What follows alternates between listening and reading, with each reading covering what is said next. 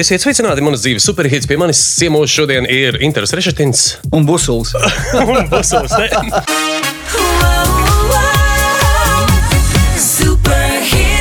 Henrijs Bukovs, Latvijas airēšanas federācijas prezidents. Ja? Tā ir. Jā, jā? tituls šausmīgs, smalks. nu, ļoti smalks. Tātad uh, Latvijas airēšanas federācijas prezidents. Tūlīt mēs paklausīsimies Henrija izvēli. Viņš šodien mums ir DJ lomā. Sāksim ar tev piektās vietas ieguvēju. Nu, mēs nosacīsim, mums tāds tops ir. Un tad piektajā vietā mums ir Emīlija Turīnī ar Jungle Drum.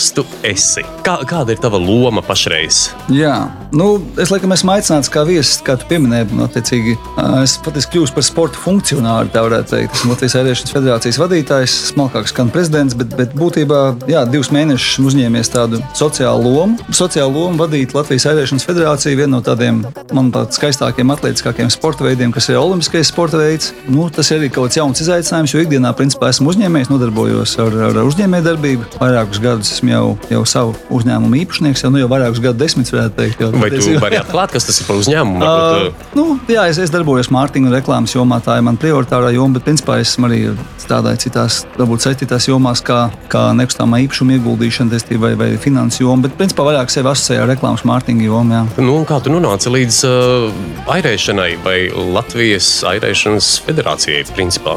Kā cilvēki nokļūst tādās nu, vietās? Stāsts nav, nav drusmīgi romantizēts. Viņš patiesībā ir pietiekami tāds uh, realistisks. Uh, ar sportu esmu diezgan, var teikt, visu savu mūžu saistījis sevi ar sportu. Esmu aktīvs fiskultūrietis, tā var teikt, jo, jo principā nodarbojies ar daudziem sporta veidiem. Ja skaitītu kopā, būtu tie būtu pāris desmit sporta veidi. Uh, nekad neesmu sevi līdz par lielu mērķi kaut kādā noteiktā sporta veidā sasniegt īpaši augsts rezultāts, varbūt tikai vienu reizi dzīvē, kaut kādā vidus, vidus periodā. Bet būtībā esmu spēlējis jaunībā gan volejbolu, vieglu atlētiku, vidusgados, jau tādos jau brieduma gados nodarbojies ar tādu amizantu sporta veidu, ka tā, kad ātrums un vairāk testosterons pieaug. Tad motošosei esmu braucis Latvijas čempionātos un arī Eiropas teiksim, amatieru dažādās sacensībās. Tieši motošosei. Un es arī ieguvis godalgotas vietas. Jā, nu, tā ir. Es patiesībā principā astoņas gadus nobraucu intensīvi un, un uh, motošosei tāds sporta veids, kas prasa ļoti daudz, teiksim, to atkārtoto kustību. Es te varu teikt, tā kā repetitīvi, kā tās, tās lietas. Jā, jā, jā. jā. Un tāpēc uh, motošosei man, man bija ļoti tuvu. Tas bija rītīgs adrenalīns, tas bija tieši tāds, var teikt, spēcīgākais, teiksim, tāds periods manā dzīvē.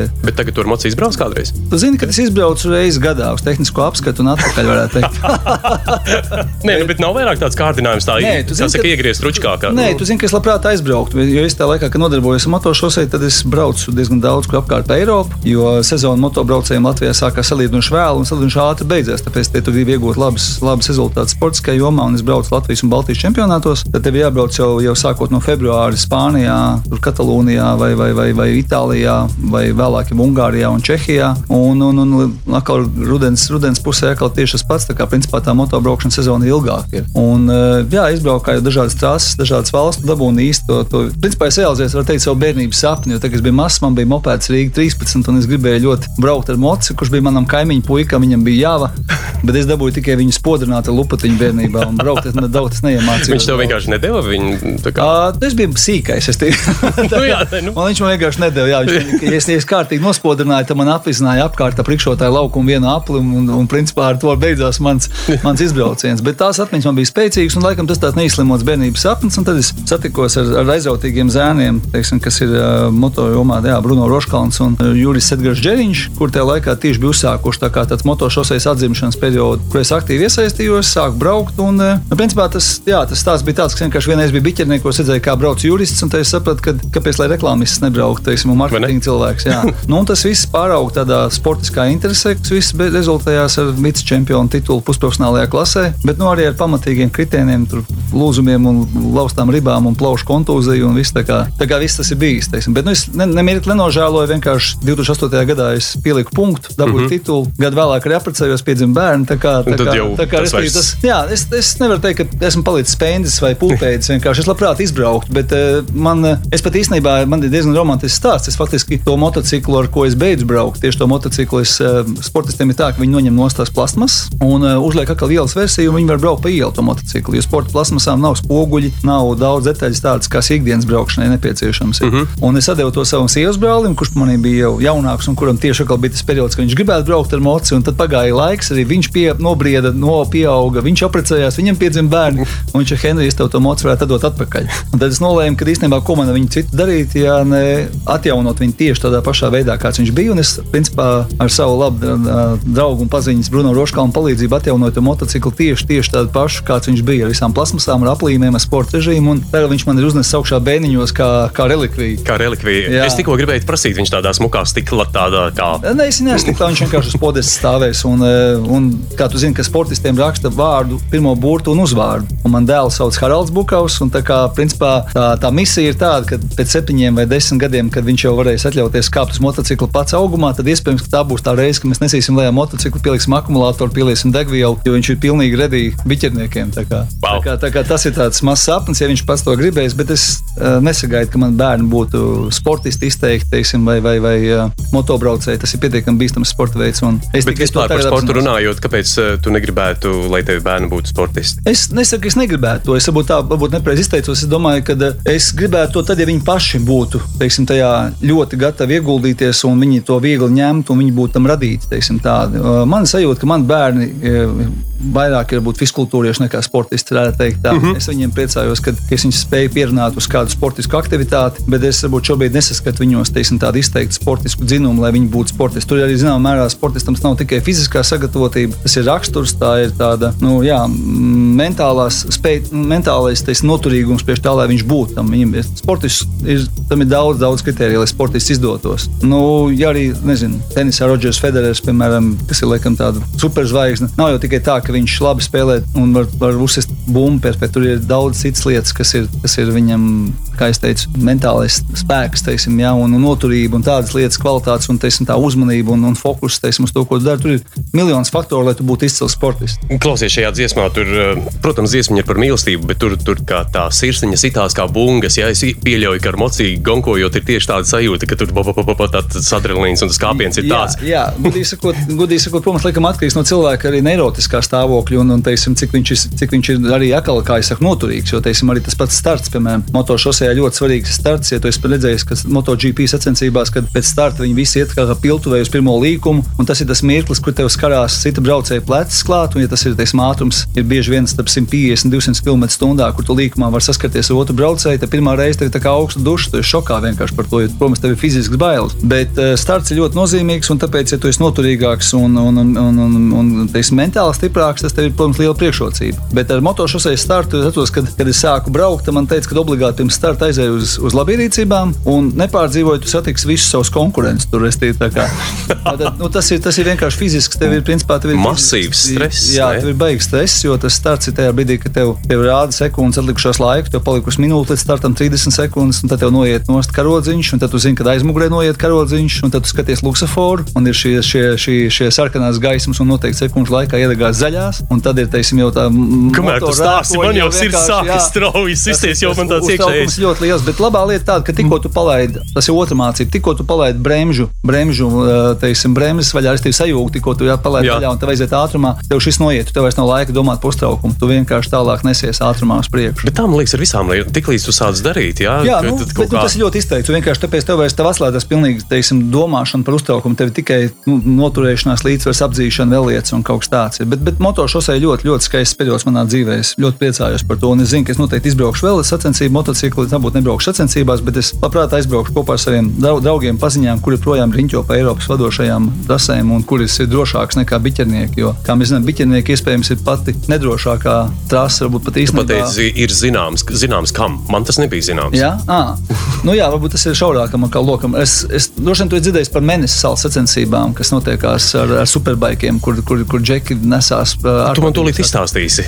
jā, nu es tevi, ir, ir, ir, ir Menes salas sacensības, teiksim, kas notiekās priekš superbaikiem. Un tā doma ir tāda, ka visa sala ir maza un viņi tiek aprīkot tajā laikā ar sienu blāķiem, ja gadījumā kāds sportists kaut kādā līkumā krīt, bet principā viņi nesās cauri pa ārprātīgiem ātrumiem pa visu, pa visu salu. Un, ja tu paskatīsies kaut kādos YouTube video, tad apskatīsies ļoti, ļoti aizrautīgi un ļoti iespaidīgi izskatās. Un tas ir, ja nemaldos, tad Anglijā, ja tu esi superbike braucējs, tad, principā, un tu piedalies mēnesis salas sacensībās, tad tev noņem nost licences sportisti, jo tas ir rupšs pārkāpums. Tas ir tāds, var teikt, nu, pašnāvnieku sacensības, var teikt, gan arī tur diezgan bieži ir, ir incidenti un ir ļoti smagi kritumi. Tur nav viņas, tā ir principā ielas sacīks. Tā nav, tā, tas nav tā kā, tā kā trekā, tā kā ja, mm -hmm. trasē, kur tu izbrauc, kur ir aprīkots ar ātrām palīdzībām, pareizajos līkumos un, un šīs drošības joslas, kur tu izbrauc ārā, kur tu slīdi, kur tu krīti un tā. Bet, uh, jā, un tāpēc vienkārši domāju, ka biķernieki, kas ir būvēti priekš 125 kubikcentimetru motocikliem uh, 60. gadu beigās, 70. gada sākumā, neatbilst galīgi tiem normatīviem, kas ir 1000 kubikcentimetru motocikliem, kur tagad tur nesās. Tur ir betona, daudz betona, un tur arī bijušas nāves, un, diemžēl, arī, arī, arī manā laikā, kad es braucu, bijušas smagas traumas un tā. Bet nu, mēs laikam pārāk nopietni par to motošosei, nu, tas bija vidusperiods.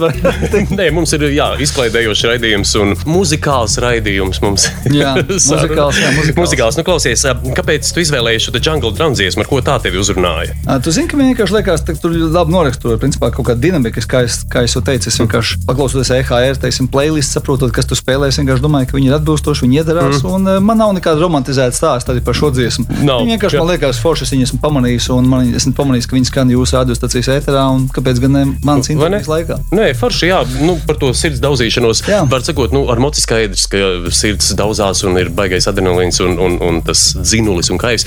Bet tagad uh, tu esi airēšanas federācijā. Tur vairs tas sirds ritms tik strauji nesitās droši vien, un arī mārketingā, vai kā ir? Nu, tu zini, ka es domāju, ka sitās gan, teiksim, jo, jo, jo tas, jo tas, ja tu esi arī pavērojis, teiksim, sacensības, varbūt, ka te arī to pašu pieejamos video, kas nu pat ir, laikam, ļoti ērti apskatām, tad, tad tas, tas, tas sportiskā ziņa un tas, ka, teiksim, šis, šis sporta veids ir jau nav ne, nav ne jauns. Īstenībā nākamajā gadā Airēšanas federācijai būs liela svētki, jo Airēšanas federācija svinēs savu 150 gadu jubileju Latvijā, kas ir, kas ir ļoti ilgs laika periods un ar bagātām tradīcijām. Es domāju, ka sportiskā ziņa un šīs, šīs ja pavērot finišu līnijas, kad ir speciāli vēsturiski, kad veidot kameras, kur ir vilkts speciāls diegs, lai tu varētu pateikt, kurš ir principā kuram tas bumbulis no laivas pirmajam ir pārgājis pāri par to, par to finišu līniju. Tas ir, tas ir, tas ir adrenalīns nav mazāks, es domāju. Bet, uh, protams, ka katram sporta veidam ir savu, savu, savu priekšrocību, teiksim, un airēšanas sporta veids ir ļoti skaists, ļoti atletisks, ļoti prestižs. Ne par velti viņš ir daudzās augstskolās, teiksim, pasaulē labi novērtēts. Un, ja sportists ir jaunietis, labi airē, tad viņam ir labi iespēja iegūt labu izglītību, un par to mēs varbūt arī varam vēlāk parunāt. Mm -hmm, mm -hmm.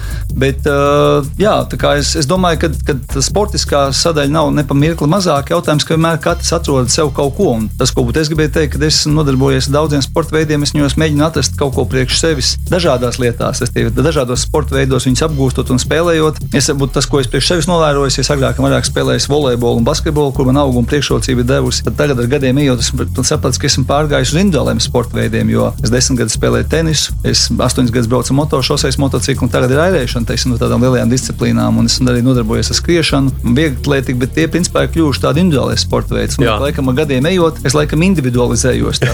nu, bet pagaidiet, tad tu um, nu, komandā neairē. Ne? Nu, komandas airē, nu kā taču mm. airēšana principā pa lielam ir. Uh, ir... Nu, es redzēju, ir individuāli, tad jā. tur ir četrnieki, jau uzreiz, ne, vai divniekos vēl arī. Principā ir viennieks, divnieks, četrnieks un astotnieks. astotnieks. Jā, nu, lai saprastu, teiksim, to, to, to atšķirību ir arī ir pāri un nepāra airi, kas nozīmē, ka vai no airē ar vienu roku, tā kā ar abām mm -hmm. rokām vienu airi, vai at, at, attiecīgi airē ar abām rokām divas airas. Tā tā galvenā tā atšķirība ir tāda. Bet, principā, tas ir absolūts komandas sporta veids, un tāpēc tieši kā reizē mārketingā ļoti bieži vien izmanto komandas, nezinu, bankas, piemēram, reklamē sevi, kad mēs esam kā komanda, mēs airējam vienā ritmā, restīvi mēs esam uz vienas nots, jo dabūt sinhronu ritmu ir ļoti, ļoti grūti, un, teiksim, dabūt sinhronu ritmu divatā ir grūti, četratā vēl grūtāk, bet astotniekā vēl grūtāk. Protams, ir kompensējošie mehānismi un tā. Un es patiesībā esmu šajā amatā tikai, kā es teicu, divus mēnešus, mm. tāpēc varbūt pat nevaru atklāt visas nianses, jo es patiesībā neesmu savā dzīvē astotniekā vai četrniekā airējis. Tad esmu airējis divniekā un es zinu, ko nozīmē airēt, airēt vienam, un es zinu, ko nozīmē, turēt līdzsvaru, ka principā tu sēdi uz ūdens virsmas, kur ir 25 cm saskart tikai ar ūdeni, kur tev jāvar noturēt līdzsvaru. Vai ne? Jāvar, tā, kā, tā kā patiesībā tas komandas un teiksim, tā partneri, teiksim, tas ir, nu, tas ir sinhronāk, ir tikai, es nezinu, varbūt Sinhronā peldēšana, vai, vai sinhronā ja-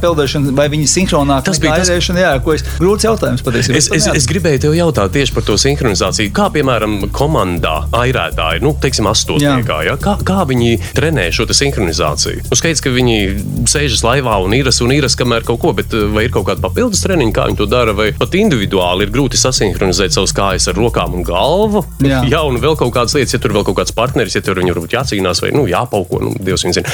Bet, eh, bet šajā gadījumā, piemēram, tādā laivā, kur, kur visiem ir jātur līdzsvars, ļoti precīzām kustībām jābūt ar, ar, ar airi.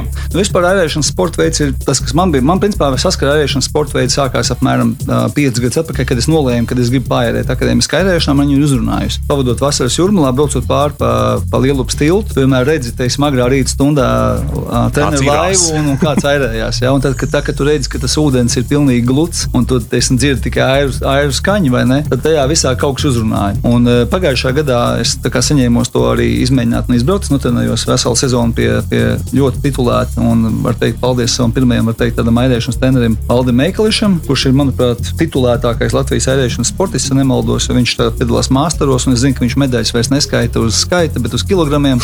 Un tie ir vismaz 11 kg ar medaļām. Tā kā, tā kā tu vari stāties priekšā, kas ir tas līmenis un kāds ir tas dzīves garums, kurā viņš to nodarbojas un joprojām nodarbojās. Un prieks par valdi, un es šogad viņš jau atkal aktīvi gaidu uz ūdens. Bet uh, tas, tas, uh, tas, kas man pārsteidz par airēšanas sporta veidu, ir, ir tas, ka viņš ir daudz grūtāks nekā es domāju. Viņš ir daudz tehniskāks nekā es domāju. Jo tas, kas no tevis tiek prasīts, no tevis tiek prasīts gan individuāls eh, sinhronas kustības, gan tas, ka tu arī principā, tu strādā gan ar rokām, gan ar kāju, gan ar pleciem, gan ar muguru, gan ar galvu vienlaicīgi. Jo tev ir jāvar noturēt laivu pēc noteiktas, noteiktas trajektorijas, un, savukārt ir ļoti izteikta roku kustība. Roku veiklība patiesībā ir viens no izšķirošajiem momentiem airēšanā. Man tā likās, skatoties tos video.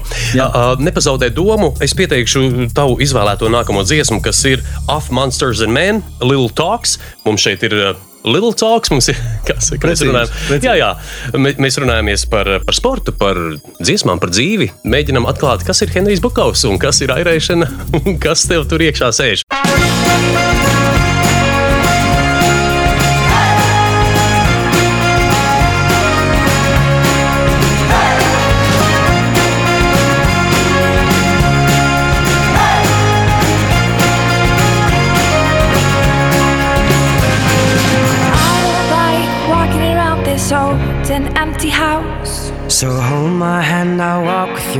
Dear. The stars creak as you sleep, it's keeping me awake.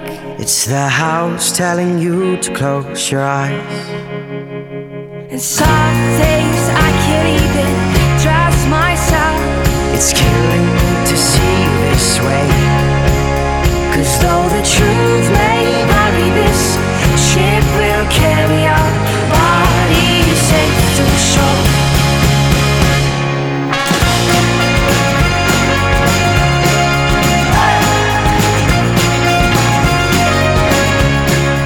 Mēs palikām uz smalkajām kustībām Jā, mēs uz, palikām- uh, un uz sinhronizāciju. Jā, nu mēs, mēs palikām pie tā, ka, kad ļoti izšķiroši jā, tāda roku kustība ir airēšanā. Bet patiesībā airēšanā, tad, kad es sāku nodarboties ar airēšanu sporta veidu, esmu pamanījis, ka varbūt tur es redzēju, ka vienkārši tie airētāji sportisti, viņiem pārsvarā visiem ir ļoti izteikti labi augumi. Viņiem mm Mhm. -hmm. ir labs reliefs, viņiem ir ā, nu, labi pleci, platums un viss pārējais, kas Nekā tā lieka. jā. Un, ā, tas, tas patiesībā ir tā, ka man likās, ka, kad izšķiroši, ka te, cik tu spēj ar pleciem, teiksim, un cik tu spēj to ūdeni vilkt prom, attiecīgi rokām un pleciem un krūšu muskuļiem izteiktāk loma. Patiesībā pilnīgi otrādāk. Jo apmēram 50-60% no visa ir kājas, jo tur kājām atspiedies, teiksim, tas ir attiecīgi kāju spēks ir izšķirošais. Uh, muguras daļa ir apmēram 30% un rokas ar pleciem ir tikai apmēram 20% no tā visa. Nu, tā matemātika ir atkarībā no tehnikas, bet patiesībā nu, tur var par procentiem var strīdēties. Gan jau kāds labāks ērētājs par mani varētu man ap- apelēt, varētu, jo ir dažādi literatūra, kur ir dažādi materiāli. Daži, kā saka, kājas ir 80%, 10% ir mugura un 10% 10 rokas. Bet no apmēram tā proporcija plus mīnus tajā ir, ka kājas ir izšķirošas, otrā vietā ir mugura un trešā vietā ir tikai plecs un rokas. Un tām jābūt ļoti atbrīvotām. Kas, starp citu, ir ļoti interesanti priekš motošosejas un airēšanas sporta veidā, abos divos sporta veidos, kad rokas, teiksim, tev ir ļoti, ļoti atbrīvotas, tev viņas nav saspringtas. Un, attiecīgi, tas ir tas pats, kā tu vai tu tur stūri, ātrumā braucot, tu neesi sasprindzinājies, tāpat arī airs tu neesi sasprindzinājies. Tā, kā, teiksim, tā ir tā tehnikas puse, un, un patiesībā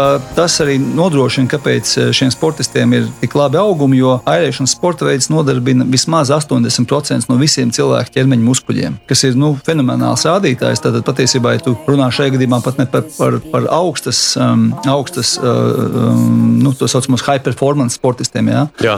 tad, eh, principā, es ir par parastu airētāju, teiksim, kurš varētu būt arī tikpat labi teiksim, mūsu gados, un redz, kā esmu gadu atpakaļ sācis. Tas nav nemaz ne, neiespējami. Neiespējami, jā. Un, un, protams, ka līdzsvars jāvar turēt, bet to tu iemācies. Jo ba- bailes apgāzties ūdenī ir lielākas nekā, nekā nenoturēt līdzsvaru. Tā kā jā, es domāju, ka, ka tas ir, tas ir labs, labs veids, kā attīstīt savu ķermeni, un it īpaši jauniem, jauniem cilvēkiem, jauniem sportistiem. Un uh, airēšana vispār ir vēlīns sporta veids, jo airēšanā nesāk teiksim, no pieciem vai trim gadiem. Airēšanas sporta veids ir tad, kad tev jau, jau, jau sasniedz 12, 13 gadu vecumu. Tas tev jābūt zināmam augumā, ir pareizi. Jā, tāpēc. pareizi. Jā. Es teiktu, mm. airēšanā ir liela priekšrocība, protams, ja tu esi garāka auguma. Ja tu pasties, teiksim, Eiropas airētājs, lielākā daļa no viņiem ir absolūti izteikti gara auguma, platiem pleciem. Īstenībā peldētājiem ir liela priekšrocība, jo viņš ir, nu, viņš ir plat, plats, plat mugura, viņam ir lielāks, tomēr tas smēliens, roku garums, attiecīgi viņš spēja vairāk to izdarīt. Tā kā, tā kā tas ir, tas ir vēlīns sporta veids, un uh, bieži vien tas arī dod to iespēju, ka priekšārēšanas ir grūti, zināmā mērā, jo viņam jākonkurē ar tiem sporta veidiem, kur jau bērni no trījiem vai pieciem gadiem jau ir ar speciālu ekipējumu, jau paņemtu, viņš jau piecus gadus trenējās tur hokejā vai tenisā, piemēram. Jā, tāpēc tev viņu pierunāt tagad uz airēšanu, tev ir jābūt kaut kam, ko tu viņam var piedāvāt. Es tev patraukšu. Jā. Klausies, papildus. Es jautāju par to sinhronizāciju. Nu, Kā uh, vēl ārpus tieši airēšanas, vēl ir kaut kādi papildus vingrinājumi, specifiskas uh, Jā. nodarbes, kā komanda sevi sinhronizē? Jā, es domāju, ka uh, Viņiem jāpadzīvo kopā kaut kādā slēgtā telpā, varbūt ir, lai viņi zinātu viens otru uz iekšā un ārā. Ja? Tu zini, ka tieši tajā sporta dzīvē es neesmu pagaidām, es pat cik es tikai divus mēnešus šajā, tā es to nepateikšu precīzi. Es neesmu, kā es to teicu, astotnē, mm. pats neesmu braucis, bet zinu, ka not, noteikti labprāt to darīšu, jo arī, teiksim, Rīgas ārētāji klus man aicina, un arī, arī zinu, ka mēs eh, šobrīd izsveram tādu programmu arī priekš, tiem, priekš tām kompānijām, kuras būtu gatavas atbalstīt ārēšanas sporta veidu, veidot viņu menedžmentu komandā arī interesantu pieredzi tieši ārēšanu. Jo patiesībā, ja pat tu neesi ārētājs, tev var iz, izvizināt astotniekā vai četrniekā, un tu dabūsi to sajūtu. Un es varu teikt, ka braucot pat divniekā uh, tandēmā, teiksim, ar otru ārētāju, nu, tas, tā, tā, tā jauda, ko ar otru sportistu dabūnu klāt, ir jau nesalīdzināma. Un, ja mēs skatāmies pēc to astotnieku, tad, principā, astotnieks var sasniegt 25 km/h ātruma airēšanas. 25 km/h tas ir tāds ātrums, ar kādu es, teiksim, braucu ar ūdens slēpēm. Jā? Tātad, principā, pa lielam jau ūdens slēpotāji pievienot to striķi uh, astotniekam, viņš spētu, nu, viņš, Noturēties viņš spētu, ūdens, viņš, jā. jā, viņš spētu braukt līdz viņam. Wow. Varbūt ar izcelšanu būtu grūtāk, teiksim, tā, jo tur tomēr tas jāatbūt. Pirmais bet, rāviens vajadzīgs, bet, jā. bet viņš noteikti varētu. Kā Tas īstenībā ir tāds ļoti, ļoti liela jauda. Un, un patiesībā, ja man likās, ka tas ir tāds individuāls sporta veids, priekš tā, ka es varētu arī viens pats piemēram paērēt, varētu no rīta lielupē, tā kā man neviens netraucē, tu vari mentāli sev stiprināt, tad patiesībā tagad es sāku saprast, kur tas sporta veids vairāk tieši ir un ka tieši tie četrnieki, astotnieki, ka tie astoņi džeki vai astoņas dāmas sasēžās kopā vai jauktās komandas kādreiz vienkārši kādā. Tad, eh, principā, tas ir tāds eh, ļoti tāds interesants brīdis, kur tu dabūni tieši to komandas sajūtu. Tā kā varbūt es atgriezīšos atkal uz komandu. Nu, man no tā visa tieši šis sinhronizācijas moments fascinē visvairāk. Es skatījos tos video materiālus, ko tu atsūtīji. Jā. Un, un, uh, un tā doma tiešām tas komandas darbs, bija domājis, ka vienam pēkšņi nu, tur kaut kur kaut kas iesāpas, vai tā rociņa tur nedaudz notrīc, nu, piegurst ātrāk. Un, un tad visa tā astotnieka kopējais izpildījums, viņš, viņš tā kā tiek ietekmēts. jā, bet, bremzējās, jā. Nu, tur paskatieties, tur ir catch the crab, tāds izteiciens, ka, tā, ka viens airs izsprūk ārā kādreiz, teiksim, tā, bet tie pārējie turpina braukt. Protams, kā ātrumu viņi samazina, viņi zaudē sacīks visticamākais. Bet nu, tas viens, paldies Dievam, ka astotniekā viens sportists sniegums nav izšķirošs. Es teicu, tas nevar pilnīgi. Bet nu, viņš, protams, tādā augsta konkurences līmenī, kur iet runa par izšķiršanos un par pacām, par katru milisekundēm un atšķirībām, tur ir liela, liela, liela loma ir tam visam. Tāpēc arī patiesībā tas, uh, nu, jā, es domāju, ka ir, tas ir viens no lietām, kas ir tāds airētais Metju Boniers, kurš, uh, kurš principā tagad izveidojis speciālas laivas, kuras ir nedaudz platākas kā sporta laivas. Viņas ir stabilākas līdz ar to ievērojami, bet uh, iemesls, kāpēc viņš sāk ražot šādas laivas, kuras viņš sauc par recreational vai atpūtas laivām, tās tiek radītas cilvēkiem, kuri ir jau varbūt nevēlas būt sportiskos sasniegumos, sasniegt augstus mērķus, viņi vienkārši vēlās labi pavadīt laiku, būt labā fiziskā formā, baudīt dabu, varbūt agri rīta klusumu vai vēl vēlu vakaru, teiksim, stundu, ja, kad tu mm -hmm. vari būt tiešāk ar dabu, jo tomēr uz ūdens, ūdenim ir kaut kāds nenormāls spēks. Un, ja tu esi, teiksim, ūdenī no rīta vai vakarā un to airē, nu, tas ir baigais tāds um, um, mentāls veselības priekšnoteikums. Priekš, teikt, jā. šeit mēs varētu teiksim, ielikt spraudni, tādu reklāmas spraudni. Tā kā, ja kāds uh, interesējas un vēlas uh, nostiprināt mentālo un fizisko veselību, tad laipni lūgtum airēt vai vismaz pamēģināt to, jā,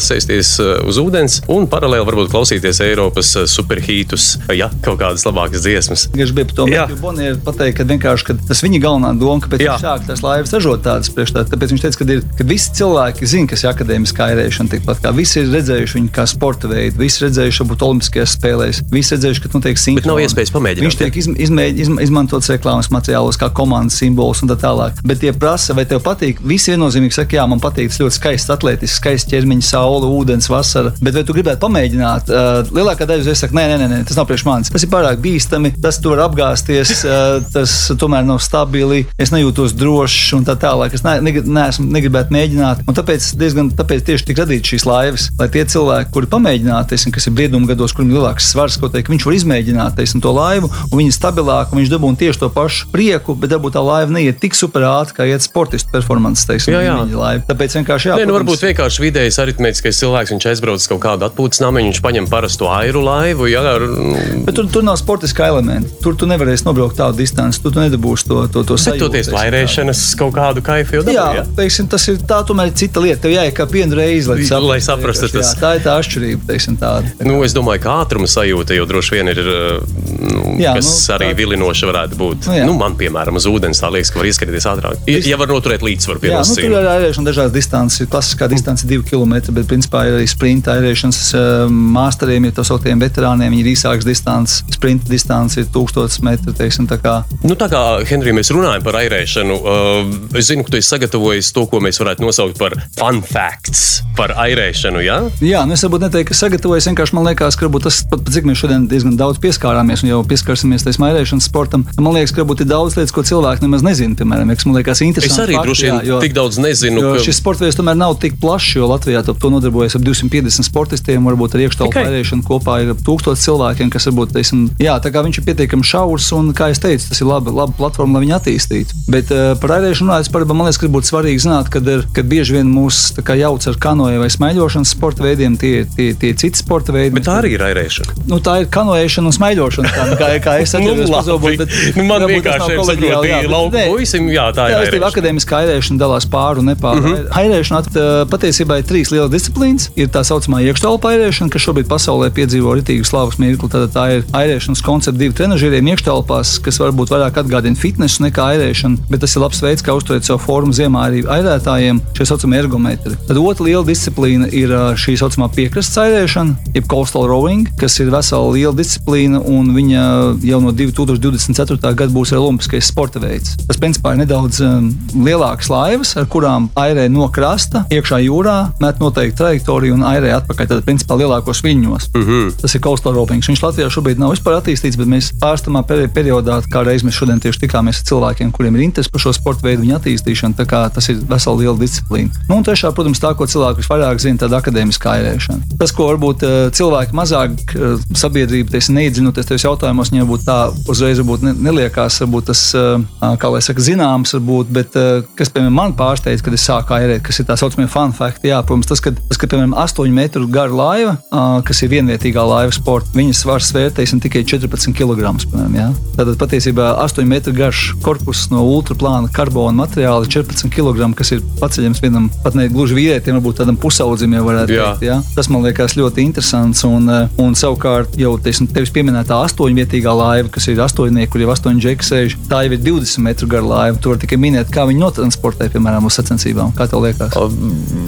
Es iedomātos, ka ir kādi speciāli traileri tādi, nu, vai Jā. viņi jau cārā. Jā, redz, tu esi tuvāk patiesībā. Jau cārā viņu, jā, ja? lielo laivu jau cārā. Viņas sastāv no divām daļām. Viņa jau cārā, un attiecīgi katra, katra laiva kļūst par desmit metrīgo laivu. un tad viņi liek kompa, ko, kopā pirms sacensībām. tā. Jā, un, un tas savukārt tā, tās galvenais svars ne- pareizi salikt kopā ir. Jā, jā, jā, jā. Tā kā tās svars nepārsniedz atkal 100 kg. Un tas, kas interesantākais, kad ar tādu laivu var attīstīt ātrumu, kurš ir, kā jūs minējāt, 25 km/h, ja, kas, ir, kas ir patiesībā neticams ātrums priekš, priekš airēšanas. Teiksim, Bet astoņniekos viņiem visiem ir tie, nu, viņi airē ar Jā, abām viņi rokām vienu jā, tas ir nepārēšana. Jā, pāri, kad ir katrā rokā pāri. Bet astoņniekos mēdz būt pārairēšana? Nē, nē, nemēdz būt. četrniekos, teiksim, bet nepār, mm. nepār, nepār nemēdz būt. Jā, tā kā. nu, jā tas, es domāju, ka tas, kas ir, protams, arī vēl interesanti, varbūt, kad Piers Kubertēns, kas ir vispār mūsdienu olimpisko spēļu pamatlicējs, kā reiz bija airētājs, teiksim, jā, viņš bija absolūti leģendāra personība, kurš izveidoja, var teikt, mūsdienu olimpiskās spēles mūsdienu izpratnē. Un arī viņš bija airētājs, tā kā airētāji to ļoti lepojas, tāpat kā Žoržs tikmēr Latvijā, tā kā es minēju. Jā, un tas runājot par tiem ķermeņiem, par tiem augumiem, skaidrs, ka viņi jau top tikai grūtā darbā. Un tāda elites sportisti, teiksim, tas apjoms, ko viņi, ko viņi trenējās, ir nu, vairāk treniņu dienā, protams, un tas ir apmēram varbūt sastādīt 1200, 1300 stundas gadā, teiksim, ja, no treniņa, teiksim, kas, ir, kas ir milzīgs no, teiksim, apjoms uh, no, no treniņa, ko viņi veltīja šiem sporta veidiem, lai būtu tā gan fiziskā sagatavotība, un arī zālē, attiecīgi, un uz ūdens ir teiksim, jau kā tehniskā un airēšanas sagatavotība. Klausies, vai ir vēl kaut kas, ko tu gribēji pateikt, bet vēl neesi pateicis? Vēl ir viena lieta, ko varbūt es gribētu labprāt uh, padalīties. Tas, ka es ļoti ceru, ka um, arī mūsu universitāšu līmenī man būs iz, iz, iespēja attīstīt šo sporta veidu. Jo, kā tu zini, pasaulē šis sporta veids universitātēs ir ļoti attīstīts. Un uh, daudz sportisti, kas labi airē, viņi jau tiek hantoti. Var teikt, tā kā ja medīti dažādos U18 un U23 čempionātos, lai, lai, lai teiksim, viņi varētu nu, startēt jau arī jau dažādās universitātēs un universitāšu komandās. Un esmu ļoti priecīgs, ka šobrīd man ir jau pārunas ar, gan ar Latvijas universitāti, gan Rīgas Tehnisko universitātes rektoriem un sporta uh, organizācijām pie šīm universitātēm, lai šo sporta veidu attīstītu Latvijā. Jo tāds viens mazs sapnītis, var teikt, ir, ir uzorganizēt uh, mūžīgo tādu konkurentu LU pret RT, RTU. Protams, ka uh, visiem ir zināms, un jā, viens no lietām, kad cilvēkiem saka, ka akadēmiskā airēšana viņam asociējās ar tieši ar, ar Oxford, akadēmisku- ar Oxford pret Cambridge Tēmas upē. Tā kā, ja, tā kā akadēmiskajām sacensībām 6 km distance, kur tiešām visa Londona ir ārā ielās un visi vēro, un tas ir ļoti īpašs, īpašs sacīksts, un to raida BBC televīzijas tiešraidē, un tur ir filmēšanas, teiksim, nezinu, cik ir kameru kadri un, un droni, un kas tur nav, lai tas viss notiktos. Es, es ļoti ceru, ka mums izdosies Latvijā arī ieviest šādu tradīciju, un es ceru uz universitāšu atbalstiem, es ceru uz uzņēmēju un, un, un teiksim, airēšanas entuziastu atbalstu, lai mēs kaut ko tādu izveidot, jo tas, protams, tas ir, tas tur ir, tad, tev vienreiz jābūt klāt, vienreiz jābūt tajā sacensībā, vienreiz jābūt tajā laivā, un tad, tad ir tomēr baigi forši, teiksim, tev ir tas prestižs, ka tu vari pārstāvēt savu universitāti tajā laivā, un tie ir īpaši mirkļi, ka tikai labākie no labākajiem. Nu, ir, ir, ir dažādi arī, arī šis sporta veids pielāgojās mūsdienai dinamikam, skatāmībai, lai to var pārdot arī vairāk teiksim, mēdījiem, lai skatām šis sporta veids, lai sacensības elements lielāks un tā. tā kā, uh -huh. jā, bet es gribēju vienkārši izstepināt par tādu interesantu Nē. pieredzi par to, ka viņš ir atradis veidu, kā, kā uzrunāt teiksim, tos cilvēkus, kuriem tas ļoti patīk, bet viņi nekad iedomājušies, vai viņiem ir bažas par tiem 25 centimetriem uz ūdens. Jo ūdens līnija tiešām, nu, tev laiva jāstādas priekšā, ka viņi ir kā baļķis. Jā, Jā. Teiksim, viņa apakša ir apaļa, un tā ūdens saskars līnija, viņa jau nav līdz pašām malām. Ūdens ir zemāk. Tad ūdens saskars līnija ir apmēram 25 centimetri. Tad, principā, tu balansē teiksim, uz tāda ļoti, ļoti šauras, Šauras strīpiņas, jā, Jā. sarkanās. Jā. Bet tas arī jāiemanās. Kaut kā taču cilvēki iemanās Jā, to darīt. jā, jā. air- A, kā air- kā air- viņi stūrē? Ā. Kā tā laiva tiek stūrēta? Parasto koceni es tur airēju, es tur zinu, es pievelku vienu airu vairāk. Princips ir tas pats, attiecīgi, ka tu, tu braucot uz to pusi, tu pamanīsi, kādiem sportistiem pie cepurēm ir klāta maza spogulīša. Teiksim, tā kā piesaukt, es redzēju sacensībās, kad es, viņš jau neredz, viņš brauc ar muguru pēc Jā. lai viņš neiebrauc. Un man ir bijuši kuriozi jau pirmos treniņos, kurus iebraucis bojās, un gan iz makšķerniekā, kurš man sauc malā, tā kā jūs auto spīd virsū, tad un tā. Bet patiesībā tu vienkārši jā, attiecīgi ar airu spēku. vari Paksaus tam malā, vari- teiksim, lai parādītu tavu vietu, jā, pasaulē. Tik traki, nē, kaut kā mēs esam kaut kā tikuši gadu draudzīgi. Tie makšķernieki la- labi sadzīvo lielu pie airētājiem. Tā, kad ir sacensības, ja kāds gāžās, kādreiz palīdz būt kādu pat ķeksēt ārā, tā kā cik es saprotu. Braucot ar močiem, tagad ar laivām un tādām lietām, nu tā balss tavā galvā, viņa iezogās kādreiz, ka, kāpēc man to vajag, vai es, nu, vai, vai, vai. Nē, es, es tā nedomāju. Es, es patiesībā mēs esam arī ar maniem draugiem runājuši, bet, kad tu airēji teiksim, 21 km, pat es ziemā es airēju uz iekštelpu enerģiju, kas ir speciāli tāds um, agregāts, var teikt, enerģijas, kas saucas Water Rover. Uh -huh. Viņš darbojas ūdens pretestību. Ļoti interesanti arī lieta, kur tu principā veidi diezgan viens, vienveidīgas monotonu kustības, bet arī tur tu vari veidot dažādas disciplīnas, garums un tāds. Bet, principā, tā, kad noērē 21 km, draugu prasa, ko tu dari tajā laikā, tu skaties filmas, video, tu kaut ko domā.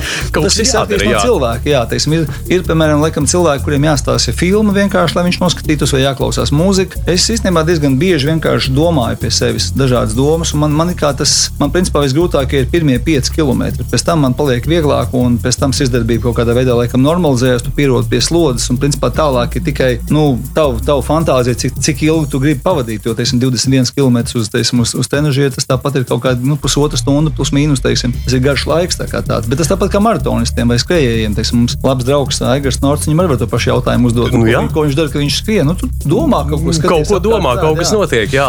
Bet uh, es domāju, ka tā, teiksim, man liekas, kāpēc tā ērēšana arī priekš tādiem uzņēmēju cilvēkiem, kāpēc ir, kā saka, tas ir foršs sporta veids gan priekš jauniem cilvēkiem, kas veido savu ķermeni, gan priekš vecākiem cilvēkiem, varbūt arī no mūsu gadu vecuma cilvēkiem, vai pat vēl, vecākiem cilvēkiem. Mēs nevienam neteiksim, cik mums ir Jā, gadu. mēs neteiksim, tas, lielais, pat tas paliks mūsu mazais noslēpums.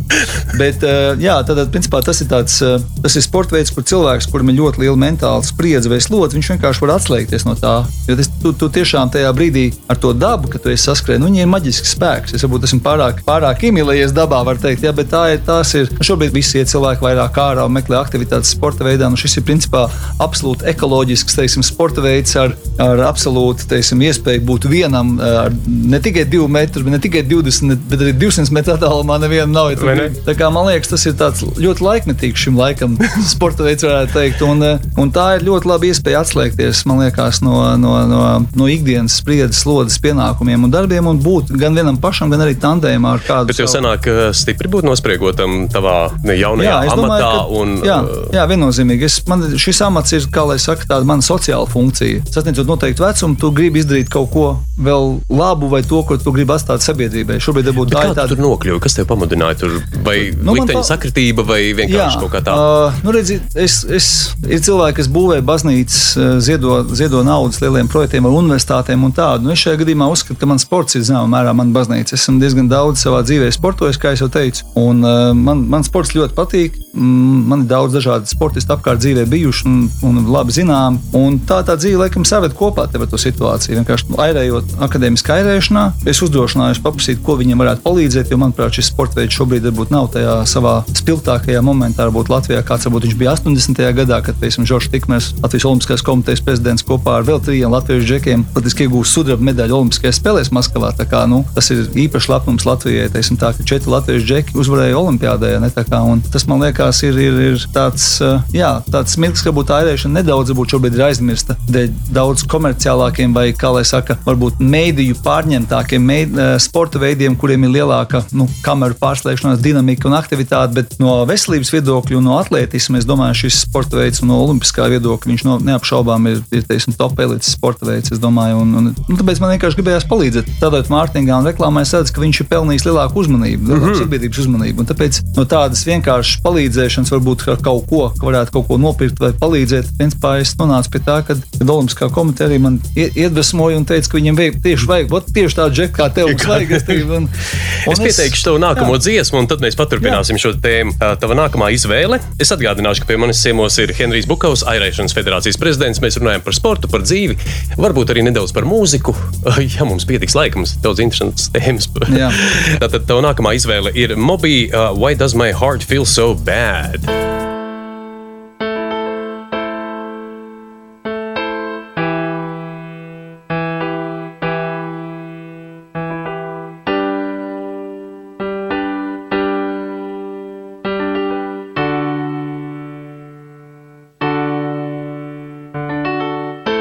Why does my heart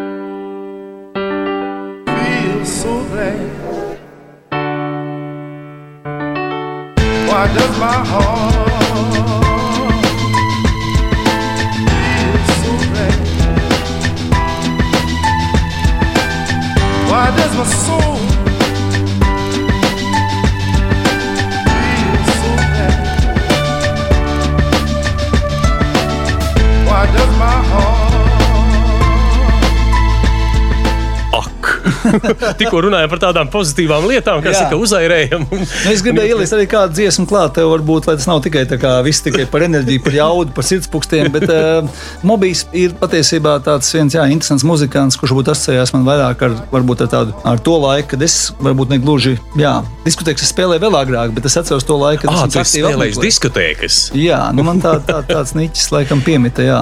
Es eh, 14 gadu vecumā patiesībā esmu interesants, ka es nonācu EHR studijā, esmu, jo šīs radiostacijas dibinātājs un garīgais līderis un, un partneris daudz gadu garumā ir bijis Uģis Pols. Un Uģis Pols varbūt pat īstenībā nemaz nezinu, bet eh, man ir interesants stāsts, jo es 14 gadu vecumā sāku spēlēt diskotēkas skolā. Un eh, tā kā varbūt The Beatles un tā tie laikā nāca kopā muzikanti, kas spēlēja skolās, grupās, es nebiju tik muzikāls, man nebija muzikāla izglītība, bet mūzika un diskotēkas man vienmēr ir patikuši 14 gadu laikā. 14 gadu vecumā es nodibināju savu, savu diskotēku kopā ar, vēl diviem Kā džekiem, saucās tavu diskotēku? Man pirmā diskoteka saucās uh, diskoteka House. Haus? Jā, tā. Ah, nu tā kā steiku haus, jā, bet Nu, bez nē, tā steikiem. kā haoss, ka visi kopā. restīvi, tā Kā, ne, mums nebija noteikts virziens. Mēs nespēlējām tikai grunge, punk Jā, vai, jā, vai jā. roku vai ko tādu. Tas bija tā kā haoss. Viss kaut kā pa, pa daudz. Bet, eh, bet, protams, kā jau kārtīgiem rockstāriem, eh, kas spēlēja apkārt pa visu Latviju, mēs tiešām spēlējām dažādos kultūras namos un, eh, un, un, un skolās un tehnikumos. Tad, protams, ka mēs sastīdējāmies un mums nācās mainīt mūsu formātu. Mēs palikām, mēs sadalījāmies, mēs palikām ar manu partneru Uldi un labu draugu. Palikām divi tā, un tad mēs kļuvām par, par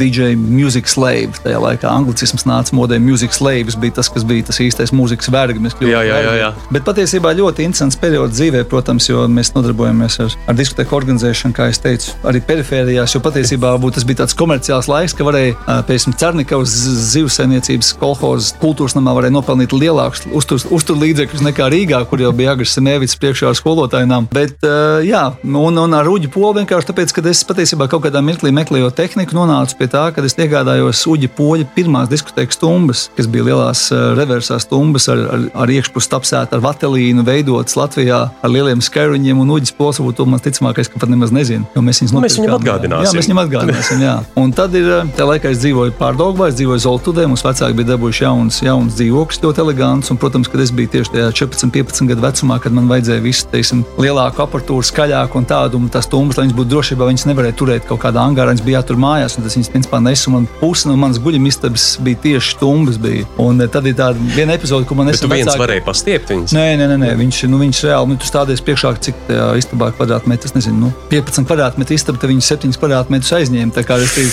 tas bija milzīgs stumbrs, kas ir katrā skatuves pusē un tā. Bet tas romantiskais stāsts bija, ko man nesen vecāki atgādināja patiesībā, ka tā, ka mēs saslēdzām visas stumbras kopā un pieslēdzām visus magnetofonus, lai mājās ieslēgtu tā kā vienkārši to skaļumu. Tad tā kā Michael Jacksona tajā klipā, jā, Black or White, kur īdzis, jā, sāk. Jā, jā, jā. Tajā brīdī vienkārši zeltudē, visā zeltudē izsit strāvu. Un visticamāk, ka tā bija sagadīšanās, tā bija kaut kāda pārslodze līnijā, bet vienkārši es varu teikt, lepojos, jā, ka es visai zeltudē divi izsit strāvu ar uģu poļu tumbām. Tā tas tāds foršs foršs stāsts. Bet jā, nu, tā tā, tā, tā dīdžejošana mums bija līdz, līdz kaut kādiem labiem gadiem. Mēs tur, jā, kāds 3-4 gadus nodarbojāmies, pat vinējām kaut kādā skolas diskotekā. Tā, tā kā Nu, medaļas par to laiku nedeva. Jā, medaļas nē, mums bija kaut kāda liela balva, ko es pat neatceros, kas tas īsti bija. Bet, nu, laikam, atzinība no meitenēm tajā laikā bija laikam vislielākā. Vissvarīgākā balva. lieta, vai ne? Jā, Tā, ka, tā, ka tu vari uz skatuves izgaismot eh, gan labajā, gan kreisajā pusē, uz krēsliem, gan malām sēdošās meitenes, kas, laikam, mūsdienu jauniešiem bija kaut kas savādāk. Vispār grūtāk uztvert to, kāds notiekās, bet tā bija tāda privilēģija, ka tu vari izgaismot. Es varētu ātri izstāstīt tiem, kas klausās un kas varbūt nekad nav bijuši kultūras namu vai skolu diskotēkās, ka bija tukša zāle, gar zāles malām bija krēsli, kur uh, sasēdās potenciālie klienti. Jā, tā var teikt. Jā, vai klientes, un, un tad uh, ilgu laiku neviens negāja deju placī. Tas nav tā kā tagad ienākot klubā, kur visi jau tur dun, dun, dun, automātiski visi tur tā kustās. Tur bija tādas, mums, mums bija barjera, kas bija jāpārkāp, līdz kurš būs pirmais, Nu, kas bija dejos. jāsaņemās, bija jāsaņemās, jā, jā. Nu, tad tieši, tieši šie, šie stroboskopi un šīs speciālās gaismas pistoles, kas bija, ties, mums bija tāds, kas, kas, kas taisīja tos stārus pa zāli, tad tiem tu varēji izgaismot labajā vai kreisajā pusē sēdošās meitenes, un tad jau tu varēji noskatīt, un arī kā DJs kādu mirkli samainīties, lai iet kādu meiteni uzlūgt uz deju, un tad jau, ja DJs uzlūdz uz deju, tad jau tas ir kaut kāda, kā lai saka, Vai ne? Nu, nu, tas tu- ir, tas tā, jau- tam ir jau cits svars. tā kā- Vai ne? Tā kā labi, viss, kas labi beidzās. Atgriežamies pie mobīļa Jā. un pie šīs dziesmas. Jā, nu, es teiktu, mobīs, mobīs, uh, why does my heart feel so bad? Es teiktu, tas jā, pārāk romantizēts. Atkal.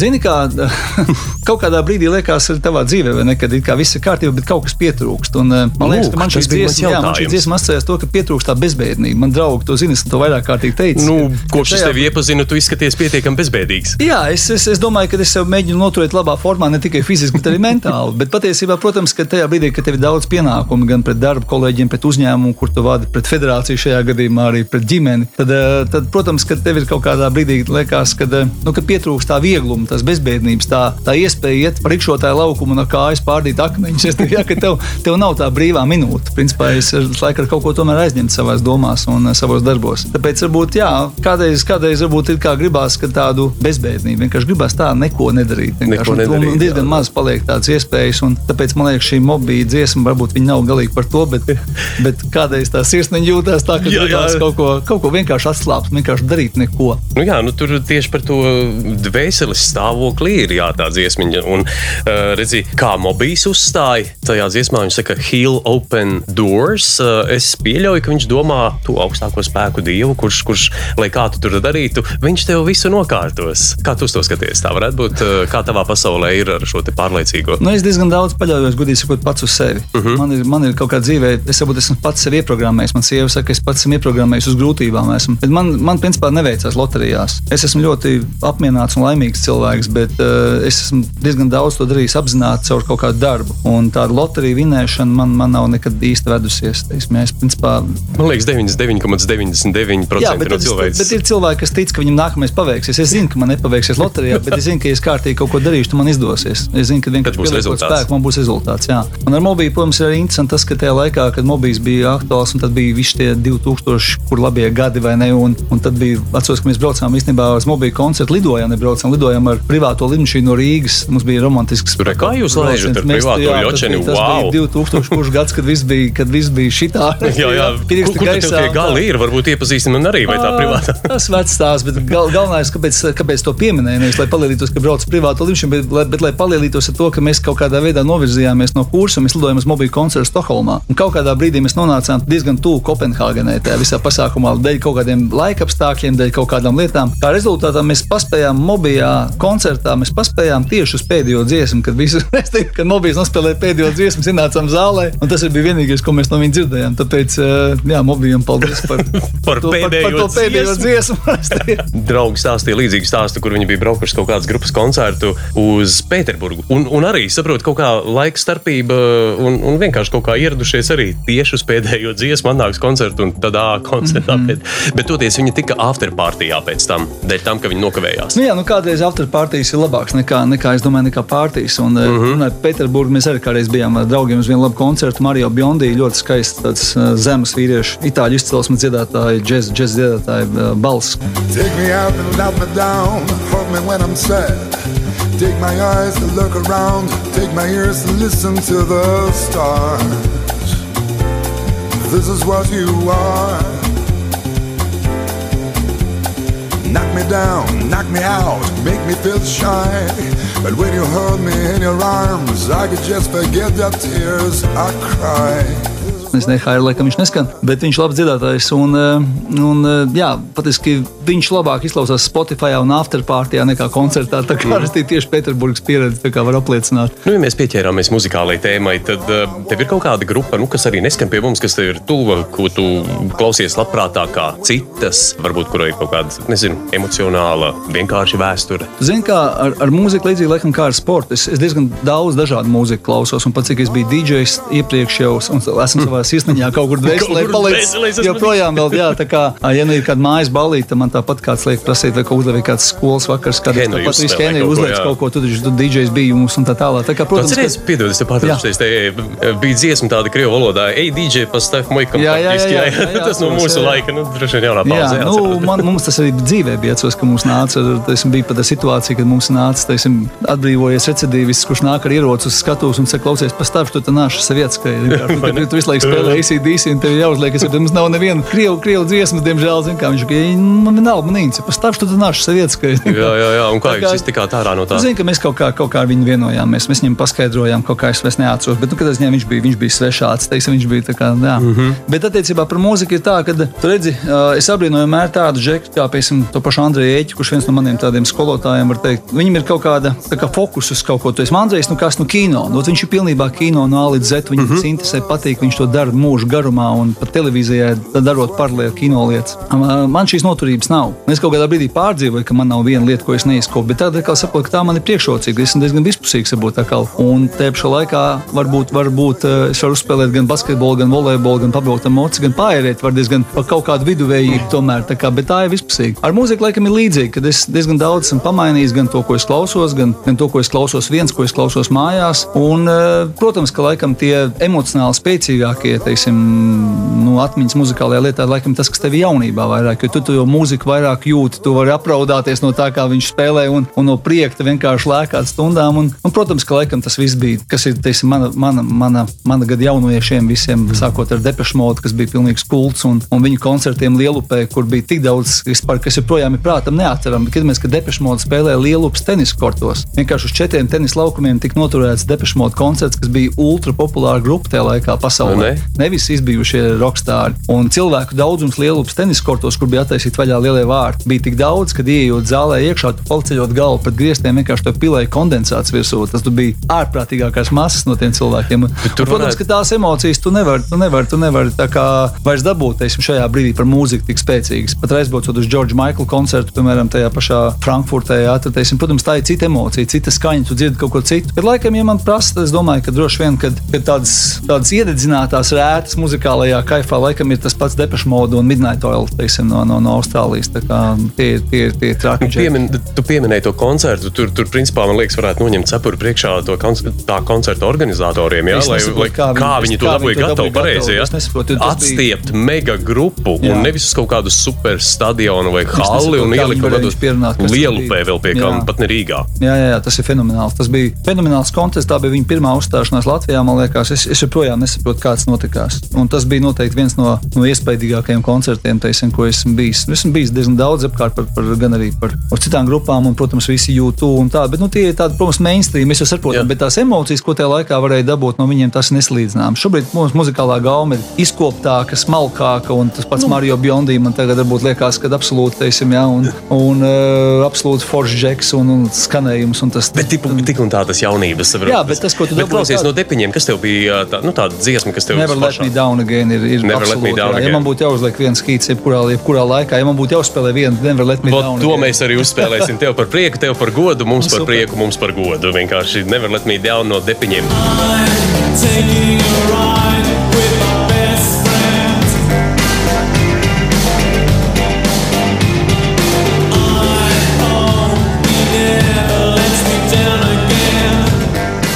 no Midnight Oil? Tev ir kāds stāstījis ar Ā. Midnight Oil? Jo tagad, man liekas, vispār viņi ir aizgājuši tā kā vēstures um, Jā, kā tādā. nu, viņi dzīvoja tik aktīvu muzikālo un, un, um, un sociālo dzīvi. jo Es nezinu, vai tu zini, bet Pīters Garets, divi metri pāri auguma gara, solists ar kailu galvu, kur jaunības gada albumos. Es nezināju, ka viņš ir tik garš. Es zināju, ka viņam nav matu. Jā, bet... jā, jā, jā. Ne, viņam jaunībā bija ļoti gari, gaiši, blondi mati, lokaini. Tā kā, tā kā teiksim, es atceros tos albumus, ko es arī pēc tam pieksēju un ķēru. Bet, principā, nu, var teikt, protams, ka eh, tas, tas uh, Birds are Burning, teiksim, un, un tie ir laikam tie lielākie hīti. Bet, bet patiesībā ir, eh, ir, ir uh, nu, vairāk albumu, kurus pat nevarētu izcelt, teiksim, kas ir My Country, teiksim, ir brīnišķīgs, brīnišķīgs gabals. un- Bet ir ļoti daudz viņu, viņu uh, muzikālā, teiksim, var teikt, dairada, ja tā var teikt. Un viņi, protams, ir ļoti jēgpilni tādā izpratnē, ekoloģija un to, ko mēs tikai tagad saprotam par kaut kādu plasmasu pasaulē, par kaut kādu ķīmiju pasaulē, par ko pēc man meita Hanna. Nu, viņa taisa jūt, ka viņa ir Greenpeace vadītāja Latvijā. Noteikti būs, ka viņa izaugs liela. uh, bet, bet tajā laikā par to mēs tā nesapratām, par ko ir runa. Bet viņi jau tajā laikā par to dziedāja un uztraucās un, un, un, un, un, un, kā, un koncertēja gan, gan zem, zem Brooklynas tiltiem, gan zem gan, gan, jā, aborigēnu nometnēs vienkārši savu prieku pēc. Tas nebija tikai komerciāli, tās bija grupas, nevis kuras tika radītas. Vai tā, lai viņas būtu šādas, bet viņas vienkārši bija tādas. Un, un tā ģitāra spēle ir fenomen- fenomenāla. tā kā. Nu jā, tā slavenais hits, tur Beds are burning. Tu, tum, tum, tum. Nu, tie ir vairāk jau popsīgāki, bet, ja paklausīs viņas agrākos gadus, tie būs grūtāk uztverami, tie būs smagāki noteikti, bet Truganīnī viss un šitas bija tur, tur vesela plējāde. Es pat nevaru izcelt vienu dziesmu. Man depešiem man ir skaidrs, jā, Jā, jā. depešiem ir Never Let Me Down Again, tur ir tirps cauri Parīzes koncertā, kur, kur, kur, kur, kur, eh, kur Gahans ar Kailu Torsu griežās, man liekas, kāds pusotra minūte vienkārši tā kā, Bet tev ir, eh, tā- dervišu dejā apmēram, jā, tā kā, nu, tas ir fenomenāli. Nu, nu, nu, tu nevari to, jā.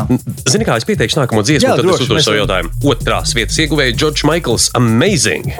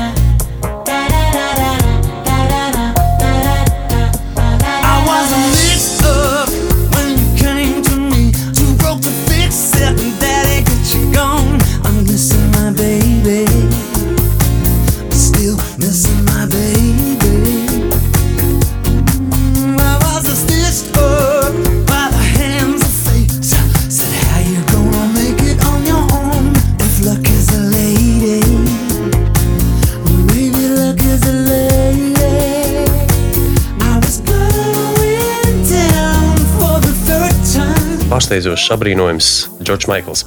Par Džordžu Maiklu tu arī pieminējies un par viņa koncertu, bet viņš dzied par to, ka pā, paļāvies tam liktenim. Tu tici liktenim kā predeterminētai lietai, vai tu esi tas, kas veido savu likteni? Es domāju, ka noteikti, kad, kad tāds vārds nepavēlt viņš ir izdomāts, vai nepavēlt viņš ir teiksim, ieviests, vai nepavēlt viņš ir, noteikti tikai liktenis. Bet, bet es domāju, ka, protams, ka cilvēka, nu, es, tev, es ticu vairāk tam, ka, ja tev tiek dot iespēja, tad viņi ir jāizmanto. Tad, ja tev liktenis piespēlē iespēju, tu nevari no viņa novērsties un kaut kā tā. Bet es domāju, ka es neticu tikai tā, ka nepaveiksies šajā dzīvē, paveiksies nākamajā. Tā Aha. es neticu. Es neticu tikai tā, ka tu pats esi savs radītājs un tikai tā, kā tu darīsi, tikai tā arī tev būs. Es ticu, laikam, kaut kur pa vidu. Tev, ar briedumu gadiem tu nepaliec vairs tik kategorisks. Es tev ne? agrāk būtu kategorisks, es to visu pats izcīnīju, tas viss mans nopelns. Tas Tad es domāju, ka tā ir, protams, ka tā tu, ne, tu saproti, ir apstākļi, tev bijusi dzīves iespēja, tev viņi piespēlēt, tu viņus izmantojas. un Man liekas, ka tā ir, jā, tā ir laba kombinācija. Bet uh, Maikla liktenis bija daudz skarbāks, jo, laikam, mēs jau it kā arī jau, jā, pirms tam aizklausījāmies, runājot, ka teica, ka, es teiktu, ka dēļ viņa homoseksualitātes droši vien bija tā, ka viņš, viņš bija ļoti iecienīts jebkur pasaules sieviešu, teiksim, aprindās, noteikti viņam bija liels privilēģijas, bet varbūt viņa liktenis nebija tik labvēlīgs viņam vīriešu, varbūt viņa segmentā. Ja.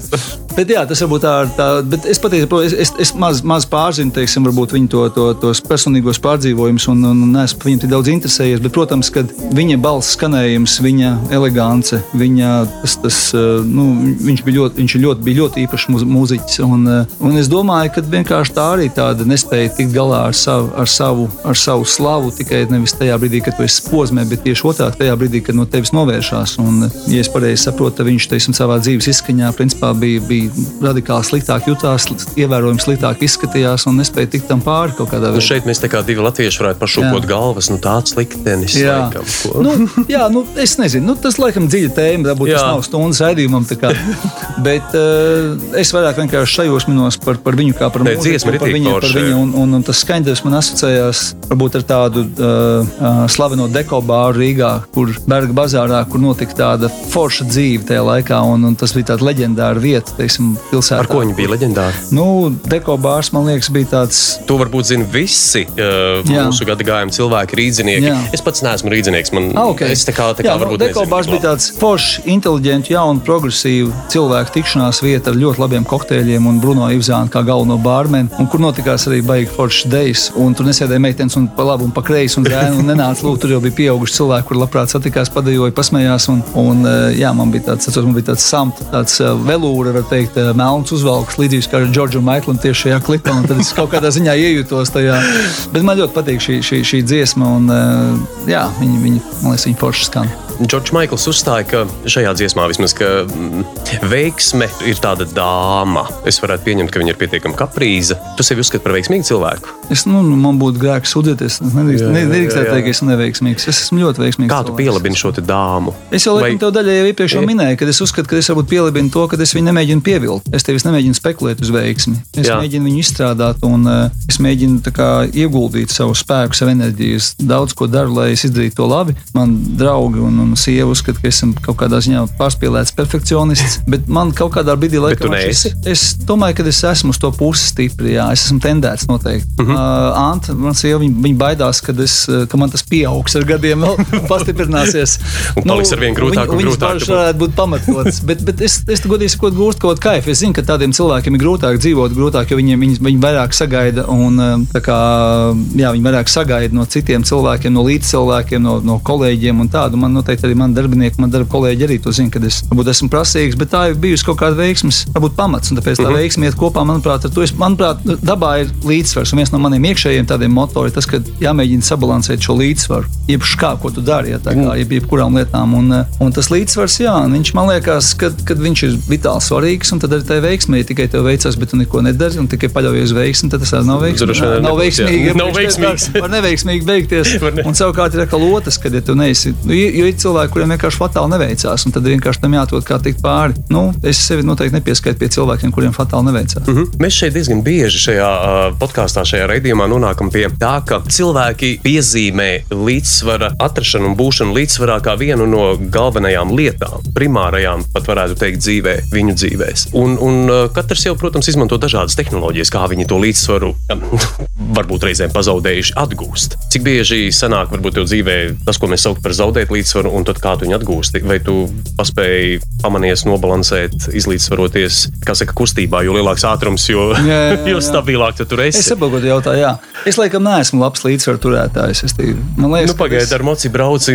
Nē, 150 nu, labi, tā. mēs runājam par dzīves līdzsvaru, nevis par, par, par uh, tehnikas noturēšanu vai laivas noturēšanu taisni. Es to minēju, ka es laivu iebraucu gan makšķerniekā, gan arī bojā pirmajā gadā. Bet, uh, un ar motociklu esmu daudz reizes kritis, un ir bijuši mm -hmm. sāpīgi kritieni, un ir bijušas slimnīcas, un, un, un, un, jā, un lūzumi, un, un dažādas sāpīgas lietas. Tā Kā, bet, bet es domāju, ka es neesmu labs piemērs līdzsvaru turēšanai, jo es esmu diezgan aizrautīgs, spēju ļoti aizrauties par noteiktu lietu, un man principā aizrauja tik daudz lietas, ka tas man izsit ārā no līdzsvara. Un šobrīd tāds multitaskings modernajā valodā sakot, ja, ir tas, kas ir varbūt kaut kādā veidā man palīdz bišķiņ, jo es, vairs, es varu atļauties nekoncentrēties tikai uz vienu, tāpēc koncentrējos uz vairākām, bet, protams, to kā var pazaudēt to līdzsvaru sajūtu, tu it kā esi visur. Bet man tā sajūta, ka tu esi visur un ka tu esi vairākās lietās, un ka tu vari darīt gan, gan fizisku, gan sociālu, gan garīgu darbu, gan pavadīt laiku ar ģimeni, gan būt pats priekš sevis sportiskā formā, labs piemērs saviem bērniem. Tas, laikam, man dod to, to gandarījumu sajūtu, bet, protams, ka zaudēju līdzsvaru. Mm -hmm. Es varētu teikt, ka esmu tādā, jā, noteikti līdzsvars. Nu, tad, kad tu viņu zaudē, ko Jā. tu dari? Piemēram, ko Henrijs dara tajā brīdī, kad ah, viss tagad, nu, es pilnīgi kaut kur esmu izsis no sliedēm, prāts tur rotē savus, tie zobratiņi griežās. Un,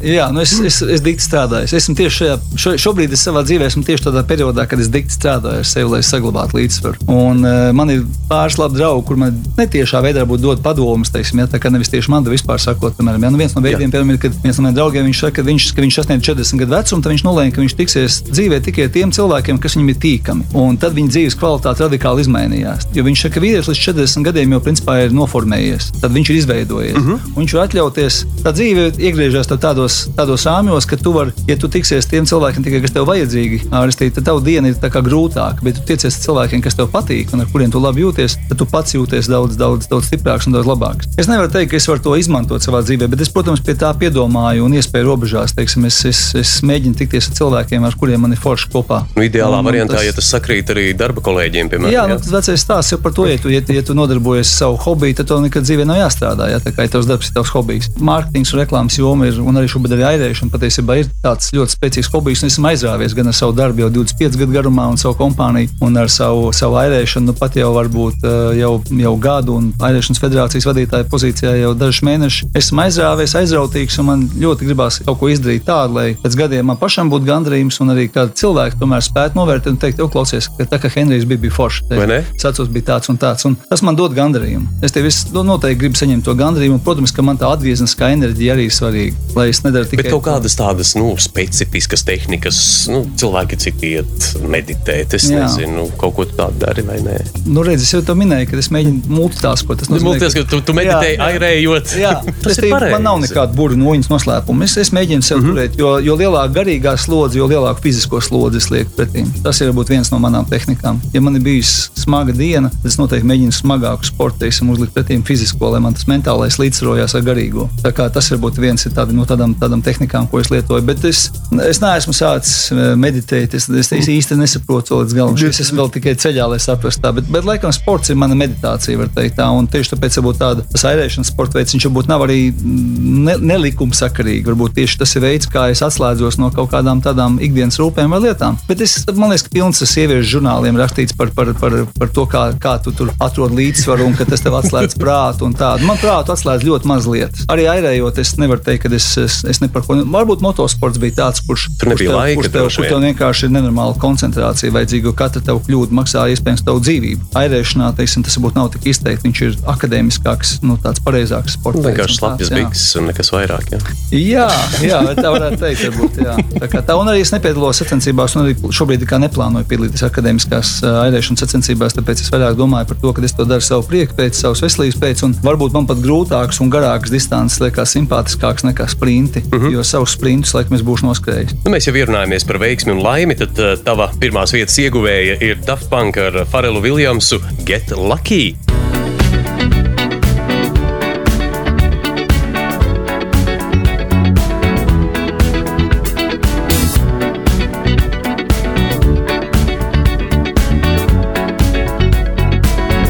like the legend of the phoenix. huh, All ends with beginnings. What keeps the planet spinning? The force from the beginning.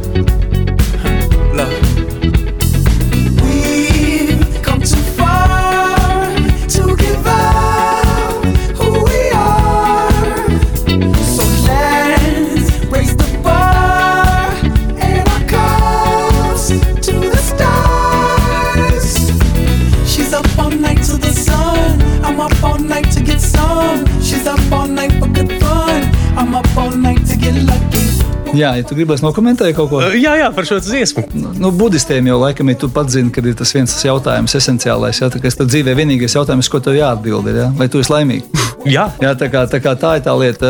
Un, un jā, šī dziesma man liekas ļoti, ļoti labi. Pauž to, plus, plus Daft Punk teiksim, ir arī super, teiksim, jā, franču elektroniskās mūzikas grandi, kuri arī pamanījuši, tik- tik- tikko- tikko izbeidza savas gaitas, jā. Jā, es tad, biju tieši biju, biju sporta zālē, kad viena franču radiostacija spēlēja visas viņa dziesmas un ik pa laikam lika tos uh, bērnu ceremonijas zvanus. Tos, es tie, Jā, tā, tā, tas bija ļoti emocionāli. Jā, tā kā tā.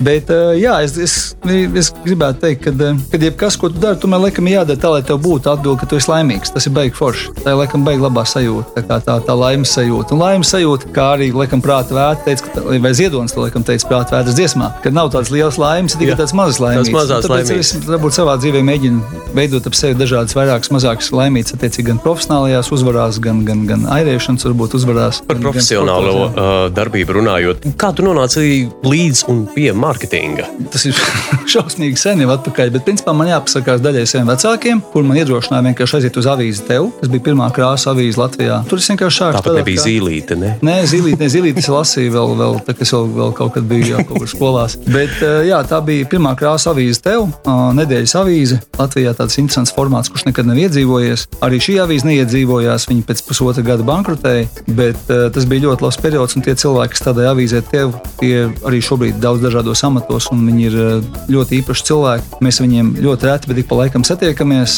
Un es vienkārši sāku no, no vienkāršākā, no, no principā es palielinām to pašu, ko es tagad daru. Es esmu reklāmas aģents, tikai varbūt tagad es to daru tādā smalkākā veidā, bet patiesībā, jā. Nu, lielākā mērogā, Map, jā, tā. jā, mapīt padusē, jauns zols kurpēm un uz priekšu. Un tā tev tas mārketings pielika. Tad, ja? Jā, tu zini, ka laikam tas, tas mirklis, kad tu ieej veiklā telefunken, kurš tajā laikā tirgoja Philips tehniku, un tu viņam saka, labdien, es esmu novījis tev, es gribētu jums piedāvāt reklāmas pakalpojumus. Un viņi saka, kā jūs jaunais cilvēks sauc, man sauc Henrijs. Viņi saka, Henrij, jūs šodien esat jau trešais, bet vispār piektais no šīs avīzes, kurš pie mums ir bijis ar šo piedāvājumu. Un tad tu saproti, ka tev jāmeklē citi veidi, jā, tad tiecīgi, bet nu, tas ir atkal atsevišķi, laikam, intervijas un stāsts. Nē, nē, Šoreiz mēs laikam vairāk ir, ir vairāk pairēšana, un, un, jā, bet, bet, bet, bet mārketings ir, ir interesants sfēra, kas nekad, nekad neļauj apstāties, kas vienmēr ir dinamiski, un visi tie kolēģi, kas pie mums sāk strādāt, es viņiem saku, es jums vienu lietu gan garantēju, ka mums būs ļoti interesanti, jo nemitīgi viss mainās. Un arī, teiksim, jūras radiostacija EHR no tā, ka viņi vienkārši vienkārši radiostacija, tagad tas jau ir platforma, tagad tas ir gan internets, gan podkāsti, mm. -hmm. kurā mēs arī skanēsim ar tevi kopā. Gan, gan, jā, tā kā vesela strīpa ar jaunām lietām, un pasaule mainās, lai mēs kā negribētu, esam, vai arī tieši kā gribam, esam atvērti tam, ka tas viss mainās un ir interesanti. Protams, tas tēmas kādreiz liekas pāri, bet tā jau ir tikai laikam, mūsu problēma. Ja tas liekas, ne? jo- jo- nu mēs esam par lēnu, jā? jā, mēs varbūt kļūstam par lēnu. Bet jā, es esmu priecīgs un man tas ļoti, ļoti simpatizē. Es šajā jomā jūtos ļoti piederīgs un uh, es jūtos gan novērtēts gan no mūsu klientu, gan no partneru, gan no darbinieku puses. Un uh, jūtos joprojām ļoti aktuāls priekš sevis tajā Nu, organizācijā. ja tev vienā kas teikumā vajadzētu pateikt, eh, tas, ko tu esi šo daudzo gadu laikā iemācījies, kā mārketinga Jā. cilvēks, kas tas būtu? Nu, laikam nebūšu oriģināls, bet uh, jebkas, ko mēs darām šobrīd, ir saistīts ar pārdošanu. Uh, jo mēs dzīvojam tādā uzmanības laikmetā, kad tev ir jābūt redzamam, un jebkas, ko tu dari, tu kaut kādā veidā pārdod kaut kādu produktu. Vai tas būtu šajā intervijas laikā daļēji es pats vai Latvijas airēšanas sports, uh -huh. ko es gribu pārdot cilvēkiem, jauniem cilvēkiem, kas varētu nākt pieteikties uz tiem pašiem murjāņiem, kur mēs šobrīd meklējam aktīvi jaunus, jaunus cilvēkus no laukiem, varbūt no pilsētas, kas, kas vienkārši grib saņemt bezmaksas izglītību, bezmaksas dzīvošanu un teiksim, grib nodarboties un veidot savu labus teiksim, augumus un nodarboties ar sportu. viņus- Šī brīdī Jā. iedarās reklāmas Jā, klips. Aicinam jūs pievienoties Latvijas airēšanas federācijai. Es tiešām gribētu aicināt, jo man ļoti gribētos, lai šis sports veids Latvijā atzīst, un lai daudz jaunu cilvēku, kas grib, kas grib nodarboties, un es tiešām aicinu visus kontaktēt man personīgi caur roving.lv vai un iepazīties to informāciju, ko piedāvā šobrīd airēšanas sporta veids, un es domāju, ka mēs attīstīsim to, un mums būs tuvāko četru gadu laikā vēl labas lietas, ko piedāvāt jauniem, jauniem jūsu klausītājiem, jauniešiem, kas, kas grib, varbūt, eh, kas grib nodarboties ar sporta veidu, kurš ir tik, tik aizrautīgs un, un atletisks. Tie, kas grib rītdien būt nedaudz labāki, kā viņi šodien. Jā, tas ir tas, ir viens no tām atziņām, arī laikam, no tā paša budisma, ka vienīgais veids, kas tev jādara, tev ir katru dienu jādara sevi labāk par to, nekā, nekā tu biji vakar. Jā, tā tāda. Bet es nezinu, kāpēc par to budismu mēs daudz runājam. Daudz, nejūtos, nu, jā. nu, šodien kaut kā budisms Jā. mums panesās. Nu, Bet kāpēc ne? jā, tā kā es domāju, Bet, ka jā, eh, pabeidzot to domu par to. eh, Jā, par to sevis pārdošanu. Jā. Nu, tad es domāju, ka vienkārši šobrīd ir tas, tas laikmets, ir tāds. Viņš prasa, būt laikmets mainīsies, un kaut kādā brīdī um, intelektuālais vai zināšanas vai, vai pieredze būs pārāk par to. Bet šobrīd ir diezgan komerciāls gadsimts, un droši vien, ka mēs, ne, tu, mēs neizmainīsim to, to, to, to procesu, kā viņš iet. Jāsaglabā veselais saprāts, bet īstenībā ir tik patīkami, ka ir daudzas lietas, ir tik estētiski pasniegtas, un tāpēc tas pārdošanas process, vai tā būtu, tā būtu tava skola, vai tas būtu tavs darbs, vai tas būtu tavs produkts, vai tas būtu kāds jauns startups, vai tā būtu reklāmas kompānija. Nu, tas ir diezgan aizrautīgi atrast veidu, ka tomēr tev ir jāvar sevi visu laiku turēt labā formā, gan, gan mentāli, gan fiziski, gan arī korporatīvi vai uzņēmumu ziņā, lai tu būtu aktuāls. Es aicinu visus vienkārši būt labā formā, laikam tā tā atziņa. ir. Tad, rezumējot visus tos daudzos Jā. gadus, jā, būt formā. Skaties, tu pasakot šo te, izņēmi man jau vārdus no mutes ārā, jo mums raidījuma noslēgumā parasti ir novēlējums no viesa, ko viņš eh, klausītājiem gribētu novēlēt. Un es tā aizrāvos klausoties tevī, bet es nevaru, kā saka, to palaist tā pašplūsmā. Mums šeit ir, eh, ja tu esi klausījies mūsu iepriekšējos podkāstus, ir tāds uzdevums, ko viesi dara. Ir austiņas uz galda. Vai tu jau zini, kas notiks? Es kaut ko esmu dzirdējis. Tas, Nu, laikam, lūk. pie manas, pie manas balss tembra tas neko, bet es mēģināšu improvizēt. vismaz. Galvenais ar airiem droši uz priekšu. nu, tu jau zini, ja skanēs jingls, tu viņu noklausies, un tad uh, mums par prieku, sev par prieku, un vispār ārpus komforta zonas par prieku. Jā, mēģini nodziedāt līdzi. Ja? Super hits.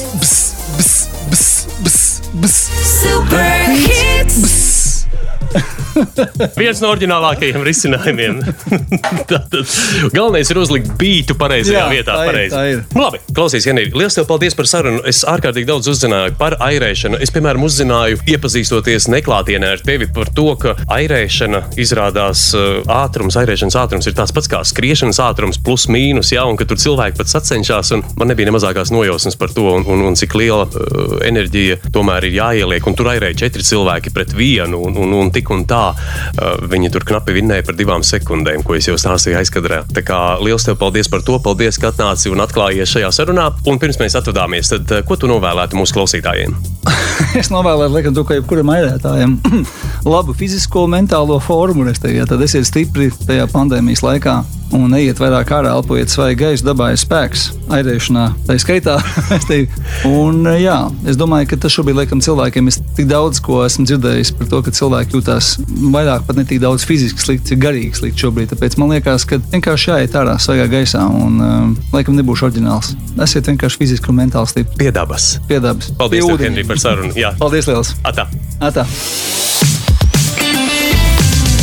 Dziesmas, kas liek justies labāk.